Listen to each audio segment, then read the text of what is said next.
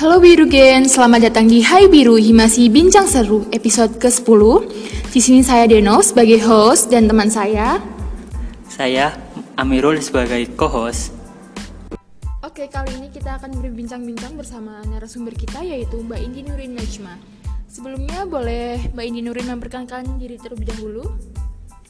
Hai, halo, perkenalkan nama saya Indi Nurin. Saya dari Prodi Akuntansi.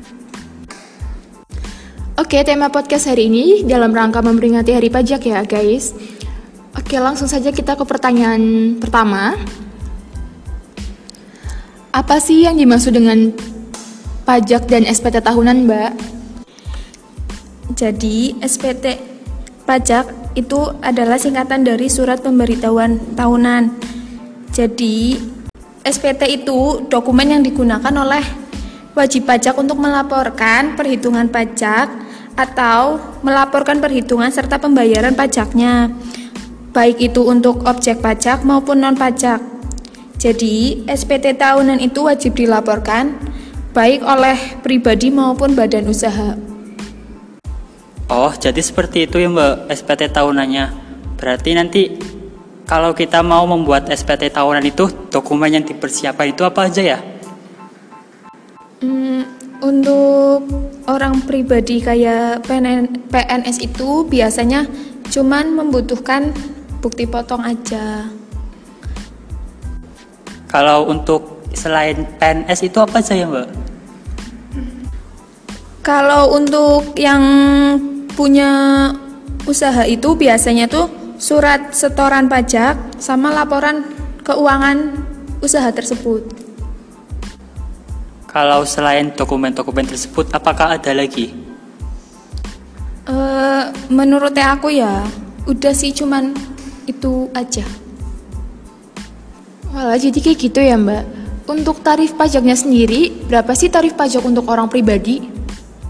Kalau untuk tarif pajaknya orang pribadi yang PNS itu 5% dari penghasilan setahunnya. Tadi kan tarif pajak orang pribadi 5% ya mbak, itu ngaruh dari besar ngaruh dari besarnya penghasilan orang pribadi tersebut nggak sih mbak? Berpengaruh apalagi untuk PNS. Uh, eh, untuk pelaporan SPT tersebut itu bisa diajukan secara online nggak ya? Pelaporan SPT tahunan bisa diajukan secara online dan itu harus ada buk harus ada yang pertama harus ada NPWP-nya.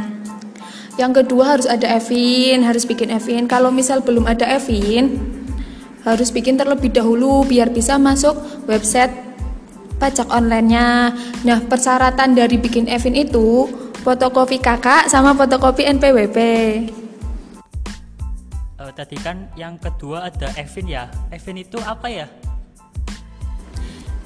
Jadi Evin itu e, nomor identitas yang diterbitkan oleh Dirjen Pajak kepada wajib pajak yang mau melakukan transaksi secara online.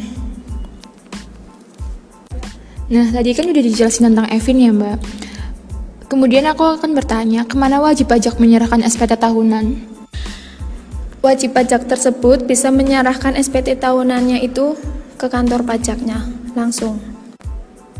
Nah, untuk pelaporan SPT tahunannya sendiri itu harus sesuai dengan domisili orang tersebut apa enggak, Mbak? Uh, sebelum kita melaporkan SPT tahunan itu, biasanya kita kan mendaftar dulu buat ambil nomor antrian. Nah, itu nanti kita cek dulu nomor NPWP-nya, apakah itu nomor NPWP daerah sini atau bukan. Kalau misal orangnya tinggal di daerah sini tapi NPWP-nya di daerah lain, itu nggak bisa Oh, jadi penyerahan SPT tahunan itu di kantor pajak ya Mbak. Terus itu ada jangka waktunya nggak sih? Berapa bulan wajib pajak harus melaporkan SPT tahunannya? Uh, pelaporan SPT tahunan wajib pajak orang pribadi itu bisa dilakukan selama tiga bulan. Kalau lebih dari tiga bulan itu nggak apa-apa atau ada sanksinya, Mbak? Uh, kalau menurut saya pas kemarin ikut relawan pajak itu pas kan selesai pelaporan SPT itu harusnya 31 Maret. Tapi kita kan bulan saya bulan Aprilnya itu masih di kantor pajak.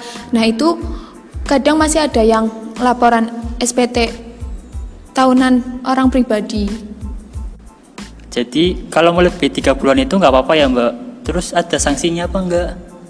E, menurut aku kalau untuk sanksi kayaknya nggak ada, cuman nanti itu dapat surat dari Dijen Pajaknya. Nah, ada yang aku ingin tanyain lagi ya Mbak. Apa saja persyaratan wajib pajak dalam dalam melaporkan SPT tahunan jika penghasilan di bawah 60 juta atau di atas 60 juta? Uh, setahu aku ya kalau di atas 60 juta itu harus ada bukti potongnya dari bendahara tempat orang tersebut bekerja. Nah, untuk gaji di bawah 60 juta itu biasanya kalau nggak ada bukti potongnya itu nggak apa-apa. Tapi kalau yang di, di atas 60 juta itu wajib harus ada bukti potongnya. Kalau misal pas ditanyain di, orang tersebut bilang nggak ada orang tersebut nggak bisa laporan SPT-nya dulu harus ada bukti potongnya. Minta ke bagian bendahara perusahaan tersebut. Uh, di sini banyak yang nggak tahu nih mbak PPS kalau boleh tahu PPS itu apa ya mbak jadi PPS itu program pengungkapan sukarela. Jadi eh, dari kantor pajak itu memberikan kesempatan kepada wajib pajak untuk melaporkan atau mengungkapkan kewajiban perpajakan yang belum dipenuhi secara sukarela melalui pembayaran PPh berdasar berdasarkan pengungkapan hartanya. Oh, jadi PPS itu seperti itu ya, Mbak. Terima kasih. Terima kasih Mbak Nurin telah menjelaskan tentang mengenai pajak. Iya, sama-sama Mbak. Barangkali saya memberikan informasi ada yang kurang tepat. Sebelum mengakhiri podcast kali ini, uh, kami minta untuk Mbak memberikan pesan untuk podcast Simasi buat ke depannya tuh gimana Mbak? Pesannya semoga podcastnya bisa lebih maju lagi, bisa memberikan tema-tema yang lebih wow lagi dan bisa mendatangkan narasumber yang dari luar.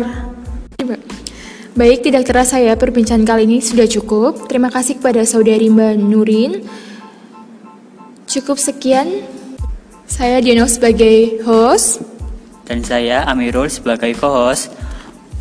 Kita berdua pamit undur diri apabila ada kesalahan. Mohon maaf. Sampai jumpa lagi. Bye bye.